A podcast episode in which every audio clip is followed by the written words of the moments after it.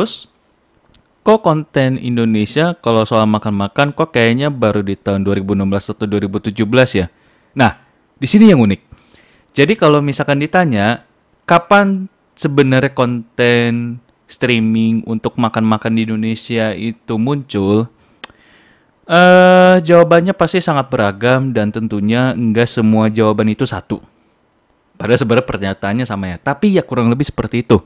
Karena di Indonesia sendiri pun kita nggak tahu siapa yang akhirnya memproklamasikan bahwa eh gue channel pertama loh yang ngebahas tentang makanan di Indonesia gitu kan. Ya bisa dibilang sebenarnya nggak ada juga sih. Mungkin kalau kita bilang anak kuliner, kayaknya bukan. JWS Bros ya sebenarnya sama juga di tahun 2016-2017. Siapa lagi? Magdalena? Enggak juga sih. Siapa lagi?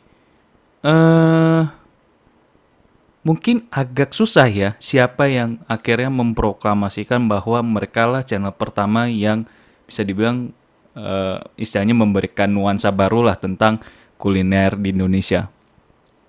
Tapi gue bakal berani bilang siapa sih yang akhirnya menginfluence kuliner-kuliner yang akhirnya sempet viral atau ya gue lebih enak ngomongnya trending sih bukan viral di Indonesia gue melihat Mark Wins adalah salah satu yang akhirnya menginfluence atau memengaruhi konten kreator untuk membuat konten mengenai kuliner. Nggak percaya? Coba kalian lihat konten tentang Ken and Grad. Sebenarnya konsep dari Ken and Grad itu hampir sama dengan Mark Wins. Kenapa? Karena Ken and Grad itu udah sempat ketemu dengan Mark Wins, khususnya si Ken karena Ken itu kalau nggak salah dia namanya sebenarnya bukan Ken and Grad jadi itu channel dia sendiri. Terus dia bertemu dengan Mark Wins kalau nggak salah pas waktu perjalanan ke Bogor. Tapi sebelumnya dia sempat juga uh, ngajak-ngajak gitu kan di sekitaran Jakarta. Makanan apa sih yang sebenarnya enak dan cocok untuk lidah Mark Wins itu sendiri? Dan sebenarnya bagi Mark Wins makanan itu adalah sesuatu yang bisa membawa cerita dan tentunya membawa kenangan.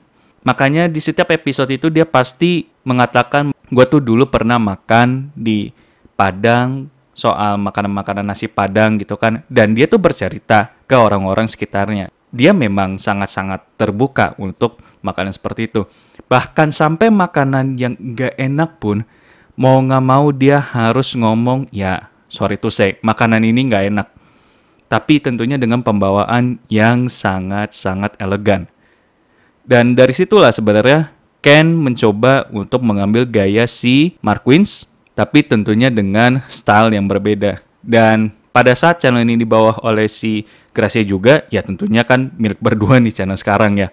Jadinya mereka punya gaya sendiri untuk membawakan atau untuk meresensi, ya istilahnya mereview lah makanan-makanan yang sempat mereka review. Contoh kayak misalkan Ricis level 5, jadi ayam pedes level 5 yang katanya pedes banget. Sampai sekarang gue belum coba karena gue nggak berani. Takutnya nanti gue nggak bisa ngerasain lagi lidah gue kayak kayak gimana tuh rasa asin, asam, pahit gitu kan. Jadi gue bisa berani bilang bahwa Marquins ini udah memberikan pengaruh besar terhadap kuliner Indonesia yang di mana akhirnya ya berkembang seperti Magdalena terus juga anak kuliner yang tadi gue sebutin. Lalu ya banyak channel-channel yang akhirnya berkembang, berkembang, berkembang, berkembang sampai ada yang sempet ya direkrut oleh agensi dan gue nggak bisa sebut agensinya karena uh, ya itu nanti channel yang channel sekarang ini penikmat air kaca nggak bisa berkembang. Tapi kurang lebih seperti itu. Nah, terus sebenarnya apa sih yang menjadi permasalahan untuk konten kuliner di Indonesia ini? Nah, di sini yang bakal bikin seru. Kalau kita tiru konten kayak di Jepang, di Amerika, Korea, ada juga konten kreator dari Singapura. Cara mereka untuk merekam kuliner, merekam makanan, itu beda-beda banget. Gue ambil contoh kayak misalkan di Jepang. Karena kebetulan gue lagi banyak banget nonton konten kreator dari Jepang untuk mengambil shoot video tentunya tentang masakan-masakan yang ada di Jepang itu sendiri Mungkin bagi kalian ada yang merasa kayak ah tontonan di Jepang mah kayaknya kurang asik. Yang ditonton makanan mulu, makanan mulu. Kalau enggak chef, kalau nggak makanan, kalau nggak chef, kalau nggak makanan. Ya sesekali kayak ada orang ngobrol gitu kan. Sebenarnya begini, kenapa konten di Jepang itu sangat berorientasi pada chef dan masakannya? Karena jujur aja, kalau misalkan kita mau mereview, di Jepang itu sangat anti yang namanya berisik. Makanya biasanya kalau orang-orang Jepang yang khususnya untuk mereview makanan, mereka lebih milih take away atau enggak ya udah bikin aja mukbang sekalian. Contohnya kayak Kino Shita Yuka. Nah, itu kan salah satu konten kreator yang kalau kalian tahu itu berapa banyak orang yang nonton tentang Indomie gitu kan. Dia mukbang Indomie dan gue tahu siapa yang nonton di situ. Karena yang nge-review ya orang Indonesia semua. Sedangkan di Jepang itu khususnya untuk di public place ya itu kita nggak bisa sembarangan ngobrol teriak-teriak. Kenapa? Ya karena kita harus dalam keadaan yang sangat tenang. Bahkan gue bisa berani bilang ya mungkin desibelnya cuma sekitaran 30 atau 40 atau setara dengan orang yang berbisik-bisik aja gitu Wong kalau kalian tahu di kereta aja nggak boleh ngobrol, ya gimana? Nanti kalau misalkan kita mau ngeliput, eh keretanya bagus loh, nggak bisa kayak gitu. Itulah kenapa akhirnya untuk di tempat-tempat yang ramai, di tempat-tempat yang istilahnya publik, itu nggak bisa sembarangan kita ngambil video. Biasanya kita harus minta izin dulu sama orang-orang yang minimal itu punya warung atau punya restoran dan di situlah kenapa banyak kayak channel mogu-mogu, terus juga channel uh, makanan gitu ya, yang dari Kyoto, yang dari Osaka, itu mereka lebih memilih untuk mengambil shootnya dibandingin mereview makanannya. Sedangkan kalau di Amerika itu banyak didominasi oleh agency atau production house. Kita ambil contoh kayak Testy yang dulu sempat banget jadi trending topik ya di YouTube lalu juga Epicurious yang sekarang masih bikin produksi tentang gimana sih caranya untuk memotong ikan yang baik, terus ikan-ikan apa aja yang aman untuk dikonsumsi, dan banyak banget channel-channel yang sebenarnya itu sifatnya lebih ke arah edukasi. Jadi mereka lebih mengedepankan gimana ya orang Amerika itu bisa masak tanpa merasa diintimidasikan. Dan di situlah akhirnya kenapa orang-orang Amerika itu sangat senang dengan Epicurious Tasty, dan juga beberapa channel-channel yang ada di Amerika Serikat. Termasuk juga yang ada di TV Production. Dan itulah kenapa Uncle Roger itu sangat merasa terintimidasi dengan program Amerika Serikat karena pada dasarnya di Amerika itu mengajarkan kebebasan untuk mengambil produk olahan yang tentunya kita bisa olah, yang kita bisa makan tentunya. Bukan kaedah-kaedah atau cara-cara yang baik dan benar seperti yang gue bilang ya untuk memasak. Karena kalau misalkan harus seperti itu, ya contoh orang yang alergi terhadap tepung, alergi terhadap kedelai, alergi terhadap apalagi tuh jamur misalkan. Itu kan kita nggak bisa nggak bisa pungkiri bahwa ya market untuk Amerika Serikat adalah untuk semuanya yang di mana sebisa mungkin kita bisa memberikan info yang berguna untuk semua orang. Meskipun sudah pasti belum tentu ke cover semuanya, tapi intinya mereka itu mau memberikan informasi ke semua orang itu sendiri. Terus gimana kalau misalkan di Indonesia? Indonesia sebenarnya udah sempet bikin yang model kayak Jepang dan Amerika Serikat. Kalau Jepang, yang tadi gue bilang, lu ngambil shoot, terus lu edit, dan habis itu lu bikin teks. Ya terserah sih mau dibikin running text atau teks yang statis gitu kan. Tapi apa yang terjadi? Ya, mohon maaf, jangkrik. Siapa yang mau nonton? Paling cuma 100, 200, 300. Dan sebenarnya gue udah pernah ketemu, cuma sayangnya kayaknya channelnya itu sempet dihapus gitu ya. Gue nggak tahu kenapa. Tapi gue ketemu salah satu channel yang dia nampilin soal Malaysian street food.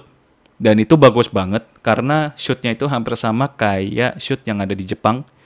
Sayangnya pas waktu dia shoot di Indonesia, itu yang nonton cuma wah miris sih. Dari yang dia bisa dapat 200 ribu penonton 300 ribu penonton 400 ribu penonton dia cuma dapat sekitaran 1000 1000 aja itu udah bagus banget. Ya kan? Nah ini yang akhirnya dia ngobrol gitu kan dengan pedagang terus dia juga mereview makanannya sambil di jalan gitu ya. Yang menurut gue agak eh sayang sih karena dia harus mengubah konsep dan yang lebih disayangin lagi adalah ada beberapa makanan yang sebenarnya lu nggak usah review gitu kan. Lu cuma nampilin aja. Jadi lu cuma shoot aja shoot gambar atau shoot video. Terus ya lihat aja proses cara dia mengambil mangkok atau cuci mangkok atau apa segala macam gitu kan. Dan di sini akhirnya yang menyebabkan ya itulah kenapa gaya Jepang itu sangat kurang cocok untuk Indonesia. Kita coba dengan gaya Amerika. Kalau Amerika itu kan biasanya kan pakai agensi apa segala macam. Yang terlihat saat ini adalah ya kurs. Kenapa? Karena kita bukan butuh yang namanya motong yang bagus itu kayak gimana atau mungkin cara merajang si bawang merah bawang putih itu seperti apa. Ya nggak usah. Karena itu ada di buku resep. Dan itu yang akhirnya membuat gaya Amerika kayaknya kurang nih. Terus apa lagi ya? akhirnya yang dibuat adalah ya kayak resensi buku. Jadi lu cuma nge-review makanan, nuansanya kayak gimana, enak atau enggak. Dan kalau misalkan gak enak, lu ngomong makanan ini gak enak. Makanya banyak beberapa konten kreator, gue ambil contoh kayak Joe Bros yang dia nampilin sebuah program namanya For Food Sake. Dan gue nggak tahu lagi kelanjutannya kayak gimana. Tapi itu adalah salah satu contoh di mana ya orang Indonesia itu lebih mentingin makanan, tongkrongan, dan juga harga. Karena kalau nggak ada itu ya kita nggak bisa nggak bisa nggak bisa bikin konten. Makanya banyak banget yang konten kreator dia harus nampilin harganya seperti apa, terus juga tekstur rasa dari contoh mie, nasi goreng dan seterusnya itu kayak gimana dan juga kayak gimana ambience-nya. Jadi tongkrongan, harga dan juga makanannya itu sendiri. Makanya kalau yang tadi gua bilang lagi kayak misalkan uh, Ria Ricis juga ya, terus anak kuliner, Magdalena, Grad, terus ada juga tuh yang nomor satu di Indonesia, aduh gua lupa lagi siapa namanya. Tapi ya pokoknya itu yang di mana ya akhirnya Indonesia cuma cocok untuk bisa dibilang kayak cuma nge-review makanan aja, bukan sesuatu yang next to the level gitu Apakah itu sangat disayangkan? Di sisi satu hal gue merasa itu sangat sayang banget karena nggak ada yang namanya variasi konten. Jadi sifatnya monoton dan ya sebenarnya orangnya ya gayanya sama-sama aja gitu loh. Datang dulu, terus habis itu nanya-nanya harganya, nge-review makanannya gitu kan. Dan gue bertanya lagi, emang apa bedanya dengan gue ngeliat di TV yang di mana orang-orang itu sekarang akhirnya datang ke sebuah tempat, nge-review makanan, terus habis itu kenalan sama yang punya restoran atau yang punya warung. Jadi itu yang menurut gue kayaknya variasi konten untuk kuliner ini kurang banget. Meskipun sebenarnya di Indonesia itu ada juga yang versi mukbang ASMR. Tapi ya balik lagi, gue melihat kecenderungannya ya kurang lebih gitu-gitu aja. Karena ini persepsi gue ya di Indonesia itu lebih ke ya kalau misalkan lu mau buat konten tentang makanan ya lu review dong, lu ngomong dong, bukan cuma ngambil shoot atau enggak lu kasih teks doang gitu loh. Ya kalau misalkan kayak gitu gue juga bisa. Ini yang akhirnya sangat uh, kayaknya kurang deh. Kenapa? Karena gue ambil contoh kayak misalkan Aden Films, Travel Thirsty, banyak channel-channel yang mereka itu sebenarnya membuat konten yang ya sama juga konten tentang kuliner. Mereka mereview, tapi yang mereka ambil adalah gimana cara prosesnya dan gimana cara membuat bahan-bahannya. Kalaupun untuk masalah proses, pasti yang buat channel itu adalah owner dari si restoran itu sendiri. Ya, ownernya. Jadi ownernya juga bikin konten. Jadi bukan cuma orang-orang konten kreator yang ngebuat konten atau nge-review tentang makanan. Para pengusaha, khususnya untuk UMKM, itu juga buat konten kreasi atau kreasi konten bertajuk kuliner. Tapi kan jadinya dia nggak mempromosikan restoran dia dong. Enggak juga. Karena kalau kita lihat lagi kayak misalkan nih Koko Kuliner, dia buka restoran tentang Chinese food yang meskipun sebenarnya andalan dia adalah nasi goreng. Dan dia tuh selalu di restoran dia itu live kalau misalkan dia omelin anak buahnya, dia omelin beneran omelin. Dan dia juga nggak malu-malu kalau misalkan dia harus ngeresensi warung atau bahkan restoran yang levelnya tuh lebih tinggi daripada warung dia. Bagi dia, Ini adalah untuk menyampaikan bahwa konten kuliner ini bukan cuma terpusat di diri dia sendiri, tapi juga dapat uh, memberikan sebuah apa sih namanya resensi yang bisa jadi itu membuat inspirasi bagi restoran dia atau bahkan yaitu bisa menambah passive income atau bahkan dia bisa membuat ide baru mengenai menu ya kan bumbu atau bahkan cita rasa dari restoran dia sendiri. Yang di sini akhirnya banyak banget konten-konten yang bukan cuma masalah kita meresensi atau kita mereview sebuah makanan, tapi juga ada prosesnya. Ya meskipun balik lagi, untuk masalah proses ini nggak bisa sembarangan orang tuh ngebuat konten hal yang seperti itu. Terima kasih untuk mendengarkan monolog penikmat layar kaca dan jangan lupa selalu ikuti Spotify dan noisedov.id dan sampai jumpa di lain kesempatan.